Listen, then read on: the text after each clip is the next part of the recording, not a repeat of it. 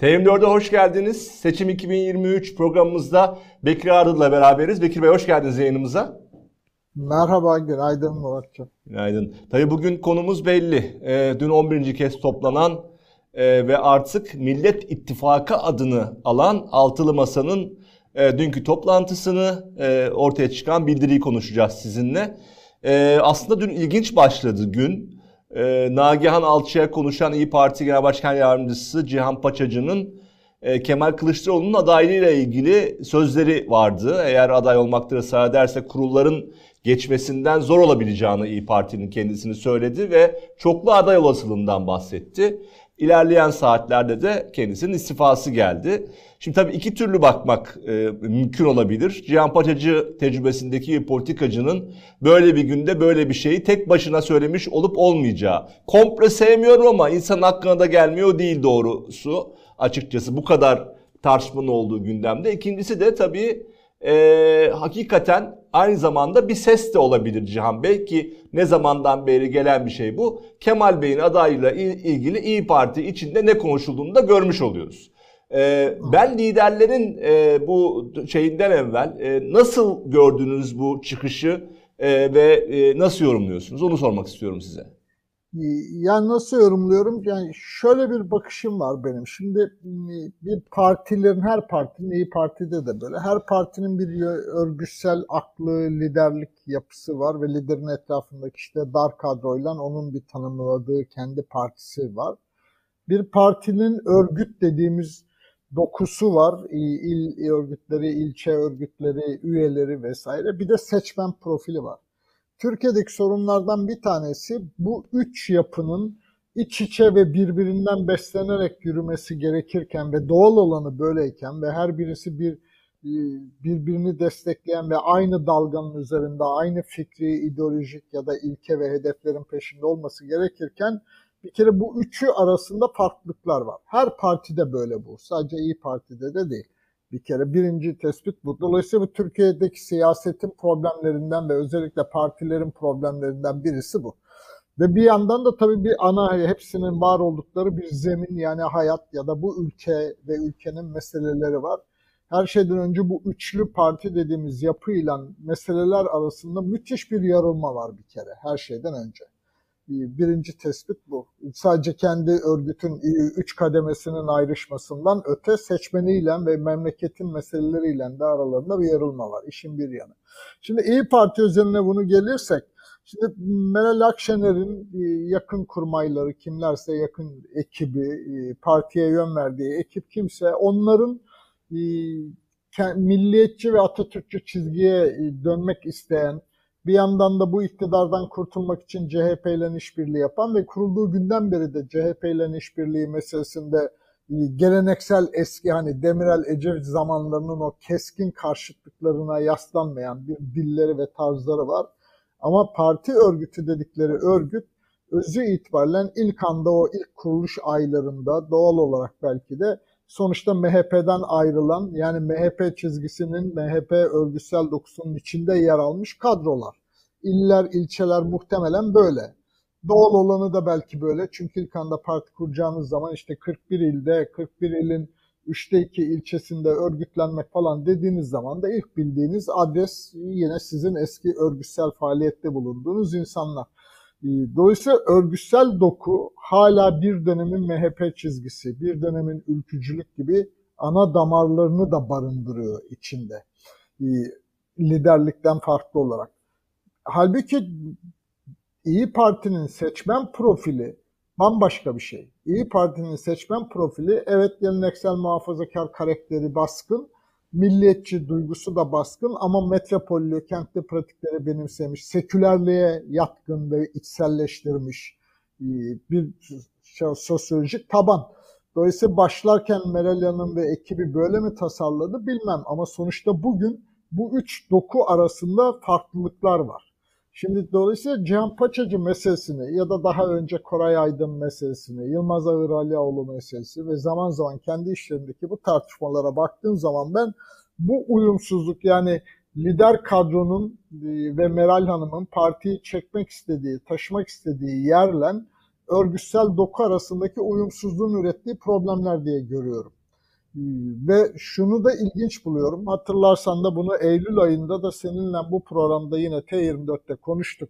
Seçim sürecine girildiği bir zaman aralığında bile Meral Hanım'ın ve partinin kurultay kararı alması ve il ilçe kongreleri yapıyor olması bile bir anlamı vardı ve bir amacı var diye düşünüyorum ben ve o zaman da söylemiştim. Yani Meral Hanım o örgütsel dokuyu değiştirmeye çabalıyor. Daha milliyetçi, Atatürkçü bir çizgiye çekmeye çalışıyor. Ülkücü damarın hakimiyetinden partiyi, yani onları dışlamak değil ama onların hakimiyetinden ve işte MHP çizgisiyle temsil edilmiş gelmiş o ülkücü damarın ya da sert milliyetçi damarın ya da değişmeyen, değişmek istemeyen eski geleneksel milliyetçi kodlarıyla devam eden milliyetçiliği 2023 Türkiye'sine yeniden uyarlama meselesine katı bakan ve eski kendi doktriner pozisyonunu savunmaya çalışan o örgütü değiştirmek için bu kurultaylar yapılıyor diye baktım ben doğrusunu istersen. Dolayısıyla bu tartışmanın bir kısmını bu anlamıyla, bu analiz çerçevesinde de doğal görüyorum. Ama bir de tabii güncele dair olan bir tarafı var. Yani Cihan Bey, Cihan Paçacı hem de Nagihan Alçı gibi bir isme hem de Altılı Masa toplantısının olduğundan bir gece önce bu demeci veriyorsa daha güncele dair bir amacı vardır birincisi ve bunun da tepki çekip çekmeyeceğini bilmiyor olması söz konusu olamaz. Meral Hanım'ın çizgisini ve liderinin çizgisini ve yapmaya çalıştığını 5 yıldır kuruluş gününden beri neredeyse CHP ile işbirliğine sıcak bakan Kemal Bey'le karşılıklı bir güven ilişkisi oluşturmuş Meral Akşener'in buna tepki vermeyeceğini tahmin etmiyor olamaz ki Cihan Paçacı. Ee, yani bir bakıma e, bir kere zamanlaması altılı masa açısından ve Meral Akşener açısından sorunlu bir açıklama. İçeriğinin eğriliği, doğruluğu ayrı e, bir tarafa. E, bunu da tespit edelim. Ve tabii şimdi gelelim içerik meselesine. İçerikte evet yani İyi Parti örgütünün, örgütsel aklının Kemal Bey'in adaylığıyla ilgili hatta Meral Akşener'in de Kemal Bey'in adaylığıyla ilgili bir tereddüdü olduğu keskin bir karşı çıkış olarak düşünmedim ben hiçbir zaman. Bunu da yine zaman zaman bu T24 yayınlarında konuştuk seninle hatırlarsan. Ama kazanmak konusunda bir tereddütleri olduğu ya da başka adaylarla daha rahat kazanacak bir seçimin Kemal Bey'in adaylığıyla kazanmada belli zorlukların, risklerin olduğu ve bu tedirginliği ya da endişeyi de bir biçimde paylaşıyor olduklarını düşündüm hep. Ama burada sorun bu paylaşımların, bu uyarıların baş başa konuşmalarda ya da altılı masanın toplantılarından daha çok belki oralarda da yapılıyordur onu bilmiyoruz elbette. Yani o altı lider toplandıklarında 11 kez toplandıkları zaman ne konuşuyorlar bilmiyoruz ama e, en azından kamu son bir aydır özellikle ve Saraçhane yani Ekrem İmamoğlu'nun e, yargılama davasının sonucu gününden beri e, Meral Akşener de bu konuda Kemal Bey'i uyarmak konusunda biraz daha vitesi yükselttiği gibi görünüyor iyi niyetli ya da çok safiyetli yorum Cihan Paçacı Meral Hanım'ın o e, endişelerini de haklı çıkardığını düşünerek e, bunu söylemiş olabilir. İyi niyetli yorum. E, ama bel, belki de hani komplo demeyelim ama belki de demin dediğim gibi partinin aklının, partinin örgütsel dokusunun meseleye itirazını da dillendirmiş olabilir. Ama zamanlama olarak bir kere çok yani sonuç olarak bunun böyle bir tepkiye yol açacağı ve istifa etmek zorunda kalacağı da beklenirdi doğrusunu istersen. Evet. Bekir Bey hani e, dünkü açıklamadan e, aslında ittifak oluşumunu falan soracağım size ama hazır seçim aday konuşulmuşken e, belki adaylık tarifi üzerinden, nasıl seçitleri üzerinden cümleler var orada. Bir, bir kısmı sizin de uzmanlık alanınıza giren e, konular. Şimdi e, aslında tabii herkes biliyor 15 Şubat'ta en erken açıklanacaktı bu. Yani burada bir sürpriz yok. Yani kimileri hala evet. açıklamadınız falan diye şey yapıyor ama zaten belliydi masanın bu adım adım nasıl gideceği. Fakat e, burada adayı tarif ederken, e, nasıl seçeceklerini tarif ederken e, 6 siyasi parti istişare, uzlaşı bunları anlıyorum. Şimdiki önemli. Halkın tercihlerini yansıtacak şekilde bunu belirleyecekler diyorlar.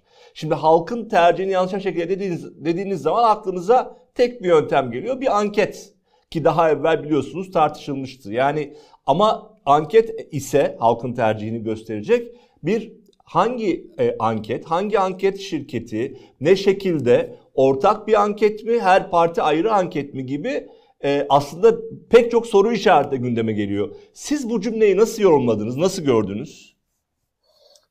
Ya şimdi anket ben bir kere baştan beri bu fikrimi biliyorsun sevgili Murat. Yani e, bir araştırma e, geçmişi olan ve hala da bir araştırma şirketinde yönetim kurulu üyesi olan birisi olarak anketle aday seçmeye baştan beri yanlış olduğu fikrindeyim. Bu ister belediye başkanı adayı, ister milletvekili adayı, ister cumhurbaşkanlığı adayı olsun. Anketle aday belirlenmez. Anketle o adaya dair bilinirliği ölçebilirsiniz. O adayın itibarını ölçebilirsiniz. O adayın ne kadar şöhretli olup olmadığını ya da kamuoyunda bilinir olup olmadığını, kabullenmeye hazır olup olmadığını bilirsiniz ama oyu bilmeniz mümkün değil. Oy başka bir şey. Oyunu oy kararı verebilmeniz için yani A adayı Ahmet Bey olsun benim belediye başkanı adayım ya da milletvekili adayım dediğiniz zaman kamuoyunun o kişinin siyasi fikirlerini, siyasi kimliğini net olarak biliyor ve bir kanaati olduğunu varsayıyorsunuz ki böyle değil. Yani kentin en iyi tanınan doktorudur. Anketlere baktığınız zaman da %90 insan o doktor olsa ne güzel olur belediye başkanımız diyordur. Ama aday olduğu zaman hangi partiden aday olduğuna göre alacağı oy o 90 falan olmaz. Şimdi dolayısıyla bu ben oldum bittim. 17 yıldır Konda'da bulunduğum süre boyunca da bu itirazımı dillendirdim. O yüzden de böyle bir araştırmayı yerelde veya ulusalda hiçbir zaman da yapmadık. Hiçbir aday için de yapmadık, hiçbir parti için de yapmadık. Şimdi nasıl çalışıyor altılı masanın partileri ve kimlerle çalışıyorlar bir fikrim yok. Onun için bir kere anketten aday belirlenmez. O yüzden dün söylenen o cümleyi yani o metinde olan halkın talebine göre falan cümlesini biraz da öyle hani gelişi güzel yazılmış bir cümle diye anlıyorum ben. Çünkü bu saatten sonra bildiğim kadarıyla en azından dışarıdan duyduğum kadarıyla her birinin farklı anket şirketleri var çalışmakta oldukları e, ya da bazılarının yok ya da Kemal Bey gibi anketleri ben ciddiye almıyorum kapalı zarfla geleni bile ilgili arkadaşlara iletiyorum diyen lider de var. E, dolayısıyla anket diye beklemiyorum meseleyi. E, burada mesele şurada. E, adayı herkes sadece Cumhurbaşkanı adayına kitlenmiş olsa da tabii ki evet Cumhurbaşkanı adayı önemli. Hem de çok önemli. Yani böyle bir seçimde hele Tayyip Erdoğan'ın karşısına çıkacak olan adayın kim olacağı önemli ama altılı masa açısından evet kazanılır olması kadar galiba tam söylenemeyen işlerden ya da zaman zaman kamuoyuna son bir ayda mesela işte Ahmet Davutoğlu'nun sanki herkes Cumhurbaşkanı yardımcısı olacak ve üstelik veto hakkı olacakmış gibi açıklamalarından da bakınca benim anladığım henüz altılı masada bu rol dağılımı konuşulmamış. Konuşulmadığı için herkes masada söylemesi gereken kendi tezini iddiasını medya üzerinden söylüyorlar diye anlıyorum. Yoksa Ahmet Davutoğlu gibi tecrübeli bir siyasetçi orada bunun böyle konuşulup konuşulmadığı halde e, yalanlanacağını veya öyle değil arkadaş böyle deneceğini bilmiyor olamaz ki. Yani kamuoyu üzerinden yani bizim siyasi kültürümüzün en büyük problemi kamuoyu üzerinden pazarlık ediyor olmaları, müzakere ediyor olmaları. Asıl burada mesele bence şudur. Önümüzdeki sürecin üç adımı var. Birisi o aday seçimi kazanacak. Kazanacak profilde olacak. İki, o aday ve iş bölümü, altılı masanın içindeki iş bölümü ama bakan seviyesinde ama Cumhurbaşkanlığı yardımcısı seviyesinde günceli yönetecek. Yani bu enflasyon, dış politikadaki krizler yani hani dişçiye gittik kanal tedavisine başlamak için önce bir antibiyotik tedavisi yapıyor apseyi indirmek için değil mi? Dolayısıyla önce bir ülkenin acil hararetli sorunlarına müdahale etmek, yönetmek, Merkez Bankası'ndan TÜİK'in başkanına, MİT başkanına kadar atamalar yapmak. Yani önce bir iktidara hakim olmak, sisteme hakim olmak diye bir mesele var. Bir de asıl eğer büyük uzlaşma üretilebildiyse, genel bir toplumsal uzlaşma da sağlanabiliyorsa anayasayı değiştirmek diye bir mesele var. Şimdi o zaman demek ki aralarındaki iş bölümü ve adayı belirlerlerken sadece adayı belirlemenin yanı sıra bu adımların her birindeki kritik önemli meseleleri kimlerin yöneteceğine veya hangi yöntemle yöneteceklerine, hangi ilke ve hedeflerle yöneteceklerine de karar vermeleri lazım. Şimdi açıklamalardan anladığımız şey bu 30 Ocak'ta yapacakları şey o benim söylediğim son yani hangi ilke ve hedeflerle ne yapacaklar konusunu açıklayacaklar diye anlıyorum ben. Ee, eğer duyduklarım doğruysa 200 maddelik bir operasyonel ister bunu koalisyon protokolü gibi say, ister hükümetin hükümet programı gibi say. 200 maddelik bir politika dizisi açıklayacaklar. Herhalde son aşamada da bunu taşıyacak kadroları veya en azından başkan ve başkan yardımcılarını açıklayacaklar diye düşünüyorum. Ee, henüz o noktaya yani birbirlerine endişelerini ya da yöntem konusundaki kaygılarını ya da kabullerini zaman içinde söylenen var söylenmeyen var. Kabullerini de söylüyor olsalar da o 30 Ocak'tan sonraki gündem artık gerçek bir aday tartışmasına döneceğini sanıyorum. Evet orada hani şunu biliyoruz yani örneğin Temel Bey, örneğin Ali Bey çok daha hani ne diyelim tereddütsüz Kemal Bey'in adaylığını destekliyorlarmış gibi görünüyor dışarıda aldığımız izlenim. Yanılıyor olabilirim elbette. Ee, ama Meral Hanım'ın hala bir takım endişeleri, tereddütleri, acaba seçim e, Kemal Bey'in adaylığıyla riske girer mi gibi bir takım kaygıları olduğu anlaşılıyor. Ama sonuç olarak da e, masanın yani aday kim olsun tartışması masanın hayatiyetini ve devamını engel olacak da bir şey mi problem ve pürüz haline geleceğini sanmıyorum, beklemiyorum doğrusunu istersen. Ee, aslında 30 Ocak'ta hem e, bir taraftan ortak ilkeler metninin hem de geçiş sürecinin açıklanması bekleniyordu. Ama dün evet. yine e, metinden anladığımıza göre sadece ortak ilkeler metni açıklanacak. Geçiş süreciyle işte ilgili dediğiniz gibi bu bir, bu 13-14 günü 15 günü Şubat'taki belirleyip muhtemelen belki de adayın açıklaması yolunda da bir şey yapılabilir ve bu başka türlü ha. bir formüle ediliyor gibi gözüküyor ama tabii bence 30 Ocak da çok önemli. Çünkü e, bir şekilde Türkiye'de dünkü e, açıklamada da var.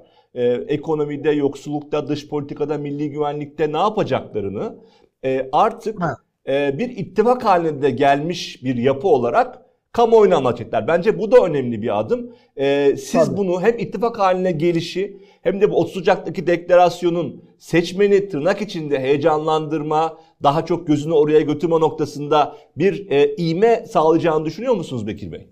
Evet düşünüyorum. Yani bir kere bir yandan da evet hani hepimiz çok e, hani sen de ben de bu konuşmalarımızda da yazılarımızda da altılı masanın eksiklikleri üzerine çok çok konuşuyoruz elbette haklıyız da yani ben e, eleştiri olarak ya da öneri olarak yazdığım ve söylediğim her şeyin de hala geçerli olduğunu ve arkasında durduğumu söylemeliyim.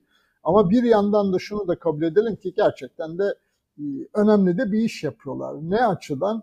Yani kendileri böyle meseleyi tarif edip etmediklerini bilemem. Ama sonuç olarak ülkenin toplumsal dokunun bu kadar kimliklere sıkıştığı, kutuplaşmalara hakim olduğu, Evet kutuplaşmanın aşk ve sadakat ilişkisi her kimliğin kendi partisine olan eleştirel pozisyon, sadakat ilişkisi eksiliyor, eleştirel pozisyonu güçleniyor olsa da hala karşı taraf olan olumsuz duygu yani negatif kimliklenme, negatif kutuplaşma dediğimiz şey ya da duygusal kutuplaşma dediğimiz şey hala güçlü biçimde duruyor.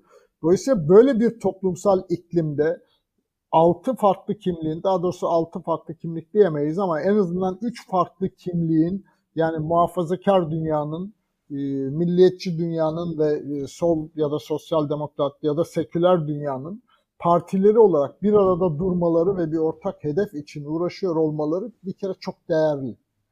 Çünkü Türkiye bu kimliklere aşağı kimliklere sıkışma problemini, kutuplaşma problemini aşacaksa ancak sosyolojik olarak bütün bu kümelerin bir aradalığını ve hiçbirinin vazgeçilmezliğini istelleştirerek başaracağız bunu. Yoksa diğerlerinin olmadığı, biz diye tanımladıklarımızın dışındakilerin olmadığı bir Türkiye hayali veya yönetim hayali ya da devlet nizamı sürdürülebilir değil. Nitekim 100 yıldır da bunun ürettiği problemi yaşıyoruz. Ee, onun için yaptıkları şey de çok değersiz değil. Evet çok değerli ama şu eksikliğe baştan beri çok kritik gördüğüm için tekrarlamakta yarar var. Ev liderlerin birbirlerine olan güveni ayrı bahis. Evet bu çok kayda değer biçimde hissediliyor ama hep bu cümleyi de yine bu yayınlarda kurduk. Örgütsel akıllarını, iki partinin, üç partinin merkez yönetim kurulu dedikleri temel o karar organlarını bir otelin bir salonuna toplasak muhtemelen kavga ederler.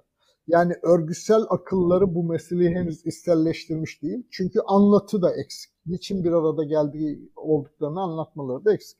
O nedenle de toplum 11 ay toplantıdır. Daha farklı, daha somut, daha peşine düşeceği bir hikaye, bir iddia bekliyor, bir hayal bekliyor. ve o iddia, hayal ortada olmadığı için aday kim olsun tartışmasında dışına çıkılamadığı için hala anketlerde işte görüyorsun AK Parti bir puan eksiktir, bir puan fazladır ama kamuoyuna yayınlanan bütün anketlerde bile hala AK Parti birinci. Ama AK Parti CHP toplamı da işte 40-42 bir aya 42-44 aralığında 45 olan henüz yok ikisinin toplamından baktığınız zaman. Ee, dolayısıyla yapacakları şey yani pazar günkü açıklama o toplumun ve seçmenin beklentilerinin bir kısmını daha karşılayacağı için belli bir katkı ve heyecan üretir. Ama henüz daha büyük bir coşku üretmez. Çünkü o büyük coşku da sadece adayın kim olacağı eksik değil. Aynı zamanda ülkenin bütün bu kimlikler ve kutuplaşmalar probleminden bakınca Kürtlerin dahil olmadığı bir şeyin hani ağzımızda kekle bir tat var.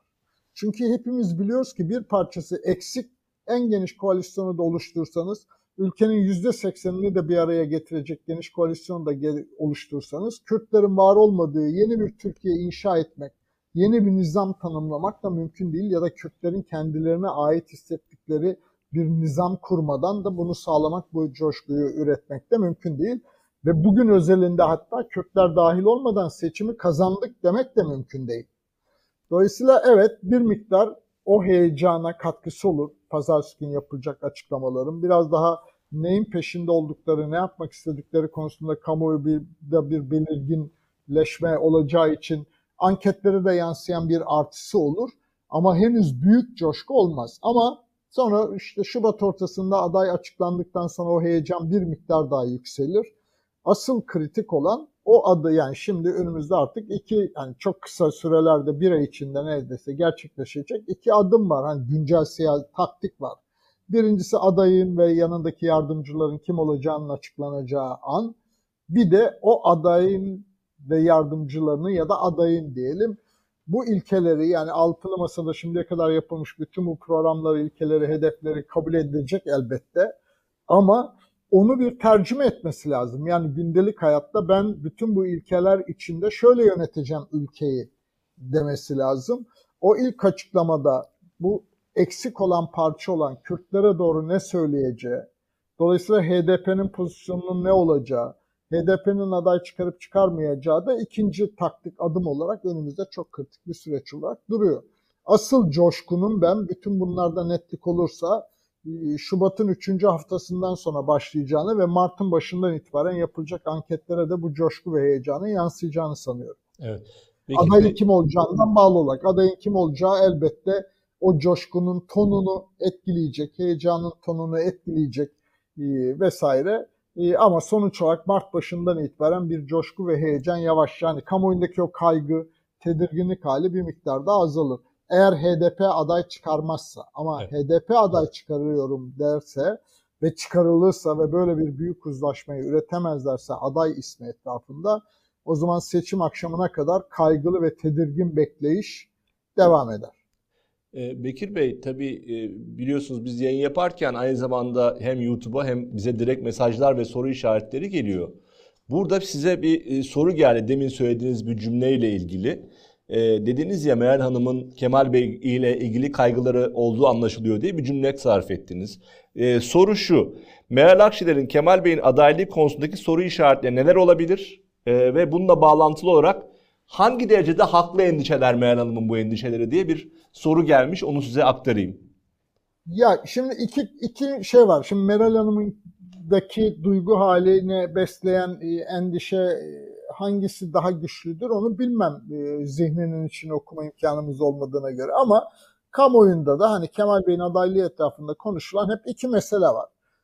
İkisi de aslında haklı ve konuşulmaya değer konular. Birisi kimliği, Birisi de işte seçimlerdeki şimdiye kadarki başarısı başarısızlığı ya da CHP performansı meselesi.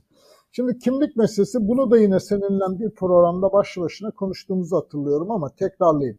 Elbette Türkiye'de bir grup insan vardır ki sarayda Alevi olmasın diye. Ve elbette bu ülkede bir grup insan vardır ki sarayda Kürt olmasın diye. Elbette bir grup insan var ki sarayda eşi başörtülü insan olmasın diyen ya da sarayda içki içilmesin diyen.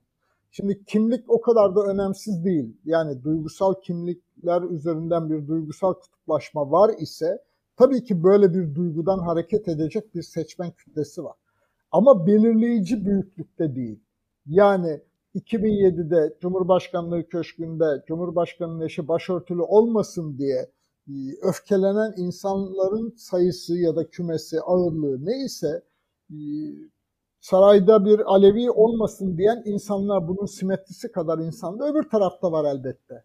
Ama bir yandan da şunu da kabul edelim ya da söyleyelim ki o insanlar zaten CHP seni aday yapsaydı da CHP adayı diye vermeyecekti. Yani tek başına Alevilik hani bütün hikayeyi bozacak büyüklükte bir handikap değil. Her ne kadar kamuoyu bunun üzerinden çok konuşuluyor ya da işte Cihan Paçacı'nın bile e, lafı buna bağlı ise de evet o Cihan Paçacı'nın dediği laf işte örgütsel dokudaki yani e, İyi Parti'nin ilçe başkanlarının belki yüzde ellisi Alevi bir aday olmasın diyordur. Ama İyi Parti'nin seçmenlerinin yüzde ellisi böyle mi diyor? Hayır. Yani Türkiye'de böyle bir büyüklükte Alevi karşıtı insan yok ya da bir Alevi siyasetçi karşıtı insan yok. İkinci handikapı ne? İkinci handikap efendim işte 2010'dan beri e, Cumhuriyet Halk Partisi'nin başına geçtiğinden beri Kemal Bey'in seçimlerdeki başarıları ya da başarısızlıkları hikayesi. Ve bence daha önemlisi ve Kemal Bey'in asıl handikapı buradan veya CHP'nin e, performansıyla ilgili olan negatif algıyla ilgili. Dolayısıyla Kemal Bey'le aday olunduğu zaman kazanılamaz duygusunu yaratan bir parça da CHP'nin performansı, Kemal Bey'in performansı kadar. Ya da Kemal Bey'in de elbette CHP'yi ne kadar değiştirip değiştiremediği ya da o liderliği ne kadar gösterip göstermemediği mesele.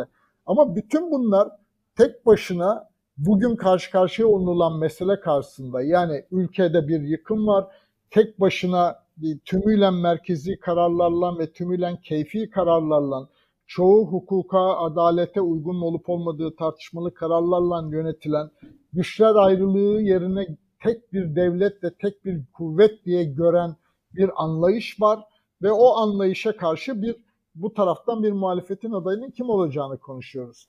Dolayısıyla orada belirleyici olan şey Kemal Bey yani oy verirken belirleyici olacak şey Kemal Bey'in Aleviliği ya da Kemal Bey'in başarısı başarısızlığı elbette önemli ama asıl hikaye bu gidişata müdahale edip etmemek ya da bu gidişata razı olup olmamak meselesi olacak.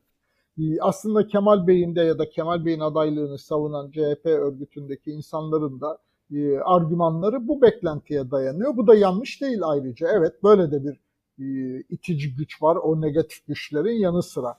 Şimdi Meral Hanım bunların hangisinden yola çıkarak ağırlıklı olarak düşünüyor onu gerçekten bilmiyoruz. Yani ya da bu konuda çok net bir açıklaması yok.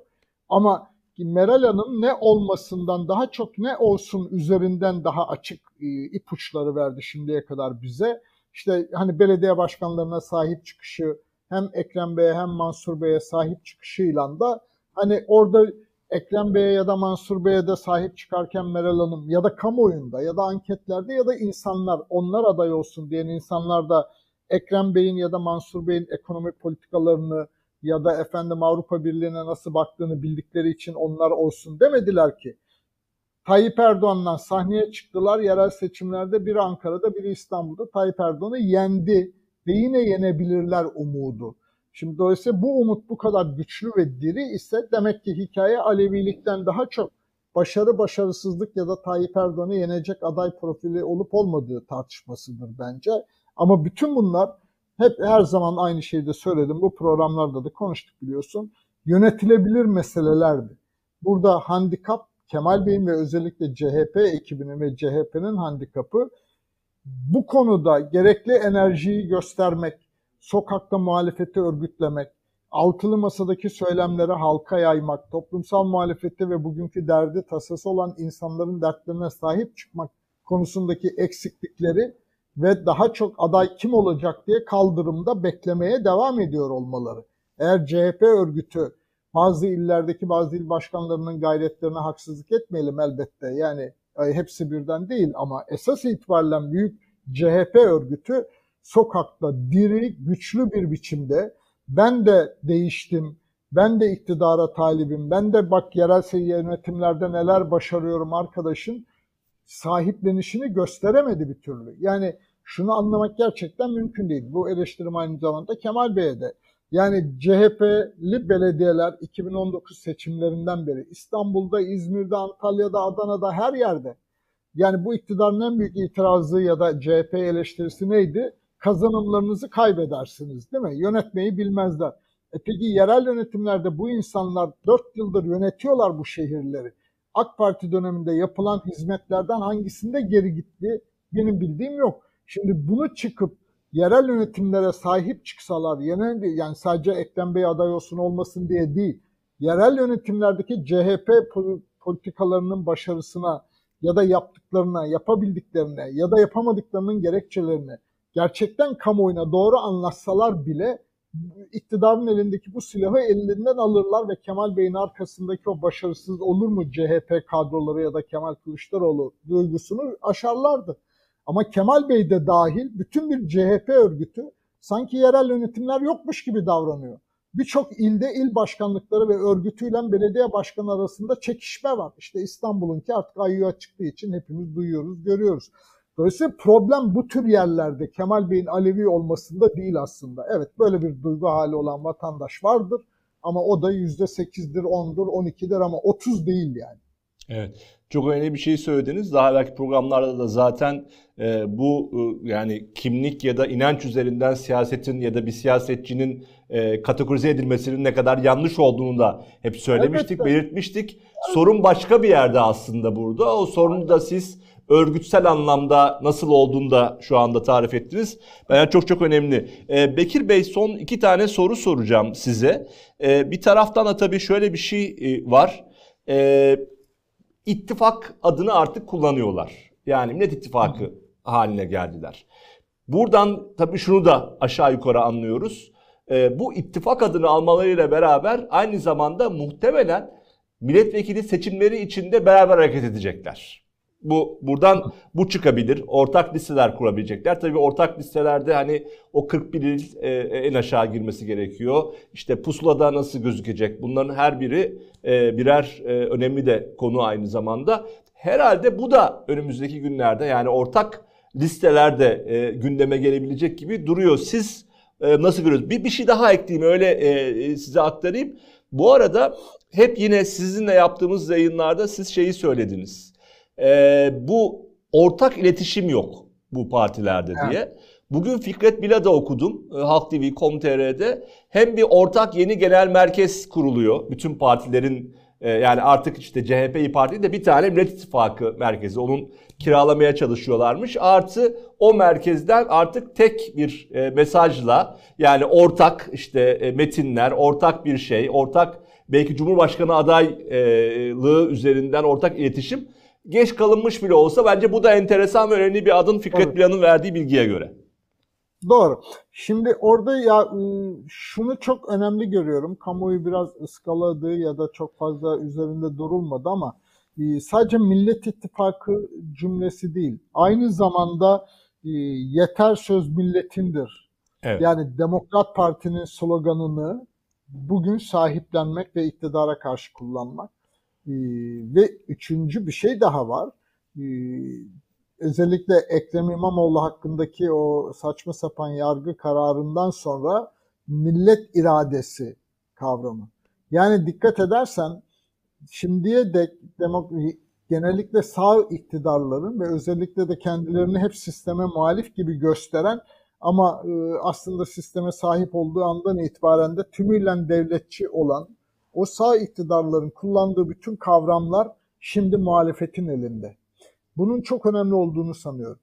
Yani topluma ya da muhafazakar kesimlere ya da dindarlara bile ulaşmak için başörtüsü anayasa değişikliği değil hikaye asıl bu tür zihni kopuşları sağlamak.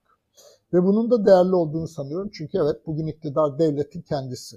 Sonuç olarak yeter söz milletindir cümlesinin bile o dindar seçmendeki karşılığı e, başörtüsü anayasa teklifinden ya da kanun teklifinden çok daha değerli ya da listesine CHP'nin diyelim bir dindarı koymasından çok daha önemli ve inandırıcı her şeyden önce. Bu işin bir yanı. E, ikinci yanı evet yani altılı masanın sorunlarından birisi iletişim stratejisinin olmamasıydı. Aslında onun da nedeni büyük bir siyasal strateji üzerinde tam bir mutabakat oluşturmadıkları için, büyük anlatı, büyük hikaye, iddianın e, kodlarını doğru tanımlamadıkları için ya da henüz tamamlayamadıkları için ona bağlı olarak da iletişim stratejisi de yoktu ve bir dağınıklık, bir savrukluk e, izlenimi vardı ortalıkta. yani aynı anda işte diğer kentleri bilmiyorum ama İstanbul'da billboardlarda İyi Parti ile CHP'nin afişlerini görüyoruz. Zaman zaman da Ali Babacan'ın. Her biri ayrı bir hikaye anlatıyor. Her biri başka bir yerden bir şey söylüyor. Kemal Bey'inkiler daha somut böyle ÖTV indirimiydi, e, aile sigortasıydı gibi daha somut ekonomik vaatler. E, İyi Parti'ninkiler işte önce Ömer'in adaletiydi. Şimdi devletin merhameti, devletin e, sıcaklığı Cesareti. vesaire devlet üzerinden yürüyen bir şey var. Yani hani bir bütün büyük anlatıyı parça parça anlatıyorlar duygusu geçmiyor seçmene. Nitekim de öyle e, bir şey yok. Her iletişimci e, partinin iletişimcisi partiyle farklı bir şey yapıyordu. Onun için bu eksikliğin bir an önce giderilmesi lazım. Onun yolu sadece ortak mekan tutmakta değil. Önce o büyük anlatının köşelerini, parametrelerini doğru tarif etmek. Sonra da iletişimcilerin onu topluma, seçmene anlatacakları dili, yöntemleri bulmalarını sağlamak. Ama bizde siyasetçilerin hepsi stratejiyi bilir, hepsi de iletişimi bildikleri için muhtemelen eğer yeni bina değil isterse kuleler tutsunlar, orada dönüp hangi afişin hangi renkten basılacağını tartışacaklarsa gerek yok buna. Yani bunu maillerle, zoom'la da yapabilirler. Ama gerçekten bir büyük anlatı oluşturacaksa oluşturacaklarsa ve iletişimcilere de görevi böyle tarif edeceklerse evet yapılacak şey, yapılması gereken şey doğrudur. Ee, bunun da sonuçları olacaktır ama pratiğin nasıl yürüyeceğini göreceğiz. Ama ihtiyaç olduğu açık. Üçüncü mesele senin dediğin milletvekilliği listeleri. Ben evet. doğrusu istersen öyle anlamadım. Yani her yerde birden tek bir liste mi yaparlar? Ee, ondan emin değilim. Yani kararların ne olduğuna dair çok henüz bir ipucu yok. Ama benim tezim, geçen hafta da yazdığım, daha önce de yazdığım, e, bugün de yine yazmaya çalıştığım şey şudur. Eğer Cumhurbaşkanı adayında geniş mutabakat sağlanırsa, hatta sadece altılı masa değil, Emek ve Özgürlük İttifakı da dahil, hatta diğerleri de dahil. Yani şöyle bir sahne mümkündür. 15 lider parti liderinin birden sahnede olduğu ve adayı ilan ettikleri bir an mümkündür. Ama altılı masa ya da Kemal Bey ve Kemal Bey'in kurmayları bunu hayal ediyorlar mı ya da bunun peşindeler mi onu bilmem. Ee, dolayısıyla eğer böyle bir ortaklık sağlanabiliyorsa veya sağlanmıyor sadece altılı masanın adayı ilan ediliyorsa ardından şunun mühendisliğini ya da statüsüne çalışmak gerekiyor. Parlamentoda eninde sonunda anayasa konuşacaksak ki konuşmak zorunda Türkiye. Sadece parlamenter sisteme geçelim geçmeyelim diye değil, yeni bir toplumsal mutabakata, uzlaşmaya ihtiyacımız var. Altılı Masa'nın da ta ilk 12 Şubat'ta yaptıkları, bir yıl önce yaptıkları ilk açıklama, varlıklarını ilan ettikleri açıklamada o toplumun yeniden biz duygusu, ortak yaşama iradesini güçlendirmek diye hedeflediklerine göre anayasaya ihtiyacımız var. O zaman anayasanın sürdürülebilir, kalıcı ve herkesin kendini içinde var hissedebildiği bir anayasa yapmaksa derdimiz, meselemiz, o zaman parlamentoda toplumdaki bütün farklılıkların temsilini sağlayacak bir milletvekili listeleri ve milletvekili seçimi stratejisi kurmak lazım. Yani benim tezim şu, Cumhurbaşkanı adaylığında tek strateji ve herkesin o adayın etrafında toplandığı ama meclis seçimleri için her ittifakın içinde bile alt, alt ayrı ayrı küçük ittifakların ya da farklılıkların olabildiği, yeri geldiğinde bir ilde 15 ayrı listenin, yeri geldiğinde tek bir listenin yarıştığı ama her il için tek tek hem toplumsal dokuya bakan hem siyasi tabloya bakan ve dikkate alan ayrı ayrı stratejiler kurmak gerektiğini ki parlamentoda en farklı, en toplumun bütün farklılıklarını temsil eden en geniş temsiliyeti sağlayacak bir kombinasyonu elde edelim. Ee, onun için parlamento seçimlerinde teklik e, hayali doğru değildir diye düşünüyorum. Halbuki Cumhurbaşkanı adaylığında teklik, parlamento seçimlerinde de çokluk diyorum ben. Ee, ama altılı masa ne yapacak onu göreceğiz. Evet. Çünkü eğer tek listeyle gireceklerse o kadar çok tuzak var ki orada. Yani kime hangi partinin üzerinden girilecek? Örneğin DEVA gelecek, Saadet hangi partinin listelerinde olacak ya da kaçar kişi çeşitlilik kontenjan olacak. Her partinin kendi örgütünün arzuları var, kendi kariyer hayali olan insanlar var vesaire vesaire. Onun için çözümü çok daha zor e, bir problem. Halbuki her il için ayrı ayrı strateji yapmak ve her partinin daha bağımsız hareket edebileceği imkanı, esnekliği sağlamak daha doğru sonuç üretebilir. Evet galiba... Çünkü eğer seçimde Cumhurbaşkanı seçiminde garanti görüyorsa gerçekten seçmen de kendini temsil edecek milletvekili listelerine oy vereceği için maksimum temsiliyet ve gerçek hayata en uygun paralellikte bir meclis kombinasyonu mümkün olabilir gibi düşünüyorum. Evet tabii şu e, Bekir Bey şu da var.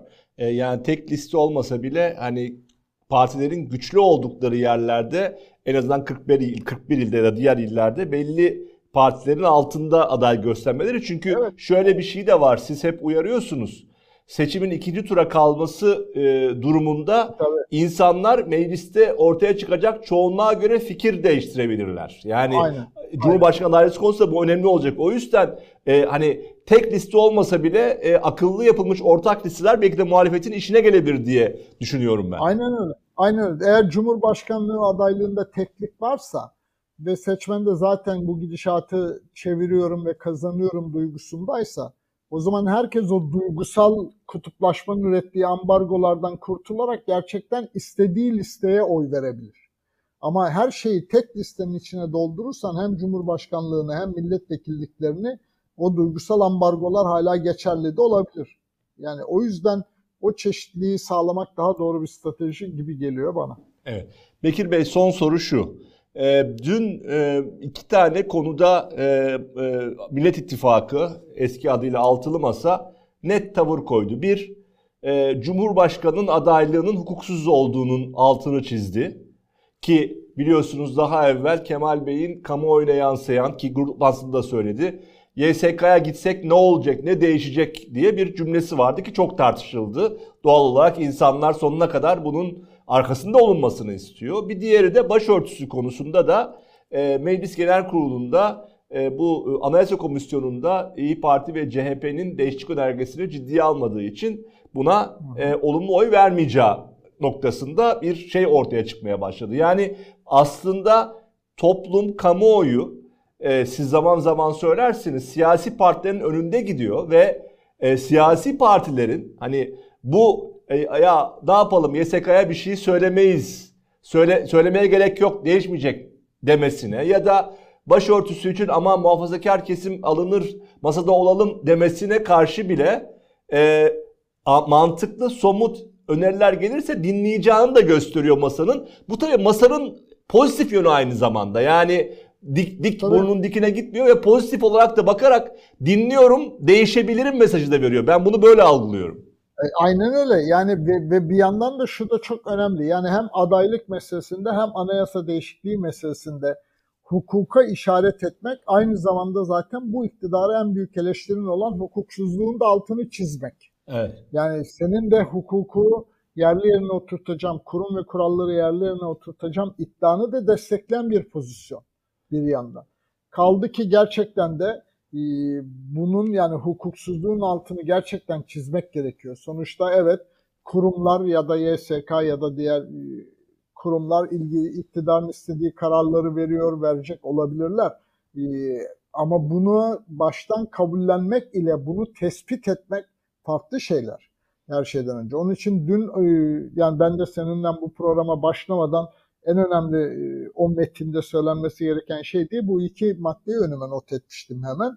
Çünkü e, hem de anayasa meselesinde de yani anayasa değişikliğini orada e, hani ya içeriği doğru ama onun için tabanımızda bunu istiyor ama konuşuruz falan demeler doğru değildi.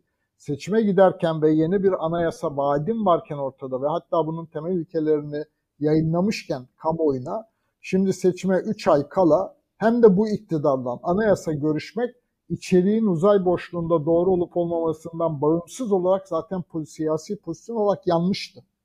Onun için bu netlikte karar almış olmaları, hatırlarsan e, AK Parti'nin o teklifi ilk gündeme geldiğinde galiba önce Deva Partisi sözcüsü, sonra İyi Parti sözcüleri ya bunun içeriği doğru e, kabul edebiliriz manasına açıklamalar yapmışlardı. E, şimdi böyle bir ortak tavır çok daha doğrudur. E, Çünkü böyle bir zaman aralığında ve iktidarın hem de o anayasa önerisinin altındaki tuzaklar falan ayrı bir hikaye, ayrı bir program konuşmak için e, buna bir ortak pozisyon almaları da çok anlamlıdır. Nihayet orada mutabakat olması da iyi oldu bence. Evet. Dolayısıyla görünüyor ki hani zaman zaman böyle kamuoyunda ya dağılacaklar mı ayrılacaklar mı gibi tartışmalar olsa da e, liderler bir araya geldiğinde ortak pozisyon üretiyorlar. Burada bence hala en baştan beri Şubat 22'den beri söylediğim şeyin çok e, geçerli olduğunu sanıyorum. Hala bu altı liderin birbirlerine tamam zaman zaman eleştirileri birbirleri hakkında endişeleri olabilir ama esas itibaren karşılıklı güvenleridir şu anda masanın hala en büyük güvenci şeyi, e, emniyeti bu. E, Bekir Bey anladığım kadarıyla önümüzdeki günlerde daha somut muhalefetin altılı masanın önerilerini bu e, e, programlarda ya da yazılarımızda daha çok konuşabileceğiz. 30 Ocak hakikaten önemli bir gün. Orada ortaya çıkacak somut öneriler e, tartışılmaya başlayacak. Belki de muhalefet adım adım kimilerinin geç e, olduğunu düşünse bile ki ben de aralarındayım. Biraz geç kalmayı düşünenlerden bir tanesiyim ama belki de somut öne- önerilerle biraz daha farklı şeyler konuşacağız diyelim. Doğru. Önümüzdeki hafta tekrar programımızda karşı karşıya gelip e, beraber tartışacağız bu konuları.